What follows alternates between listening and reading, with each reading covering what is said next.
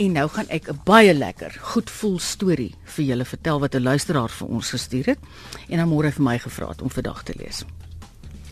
Ons het jare gelede op 'n klein hoewe naby Rodeplaat Dam in Pretoria gewoon. Daai tyd het ons 'n labrador hond gehad met 'n kinkel in haar stert, net soos 'n varkstertjie. Hierdie hond, Foffa, was haar naam, het op 'n tyd begin hoenders vang.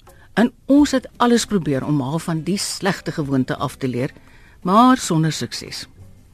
Nou baie klagtes van die bure en groot skade, besluit ons toe om Foffa na die DBV te neem en dit was 'n groot hartseer storie want ons was baie lief vir haar.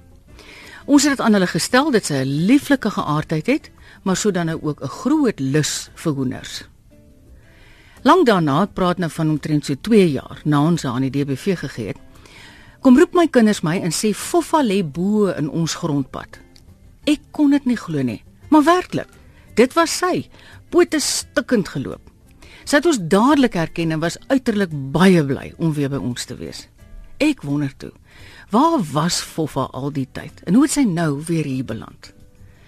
Ons het die stukkende pote gedokter na bedag as ons werk toe gaan, toegesluit sodat die pote kan genees.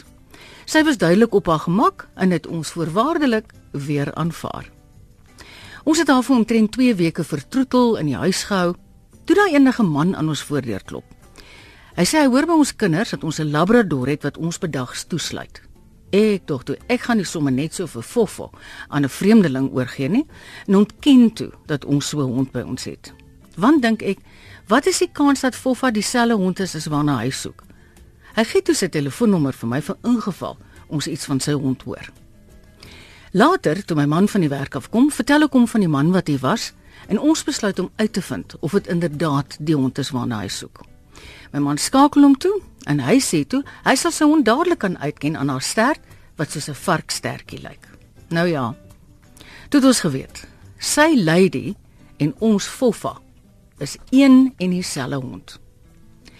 Hy vertel toe dat hy die hond 'n paar jaar terug by die DBV gekoop het met duidelike instruksies dat die hond hoenders vang. Nee sê hy, hy soek net die hond vir 'n troeteldier en hulle het nie hoenders nie. Hy het groot vragmotors gehad en Lady het later so in sy hart gekruip dat hy haar elke keer as hy trok die lang pad vat, het hy vir Lady saamgevat. Op 'n dag het hy weer vir Lady in die vragmotor gelaai en moes hy iewers stop waar Lady uitgespring het. Hy kon haar glad nie kry nie en is toe voort sonder haar. Omdat hulle elke dag dieselfde pad gery het, het Lady haar pad teruggekry na die hoewes, maar omdat ons grondpad die eerste paadjie is wat van die teerpad afdraai, het sy by ons ingekom. Die warm teer in die grondpad was te veel vir die ou pote, van daar die stukkende pote. Ons het ook uitgevind dat die man in dieselfde pad as ons bly, so 5 hoewes verder. Wat is die kans dat jy 'n hond by die DB4 gaan aflaai en jou buurman gaan koop toevallig dieselfde hond en sy ry 2 jaar feitelik elke dag verby jou huis sonder dat sy weer by jou uitkom. Nou ja, Lady is terug na haar Engelse baas. En die trane van vreugde het gerol toe ons vir die man vertel dat Lady, eers Foffa, ons hondekont was en dat ons haar DBV toegeneem het van wie haar voorliefde vir hoenders.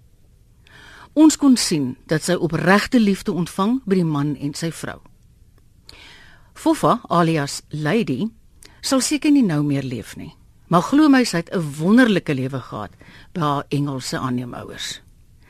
Dit laat my nog altyd wonder hoe toevallig dit was dat sy by ons buurman geland het en weer by ons aangekom het toe sy hulp nodig gehad het.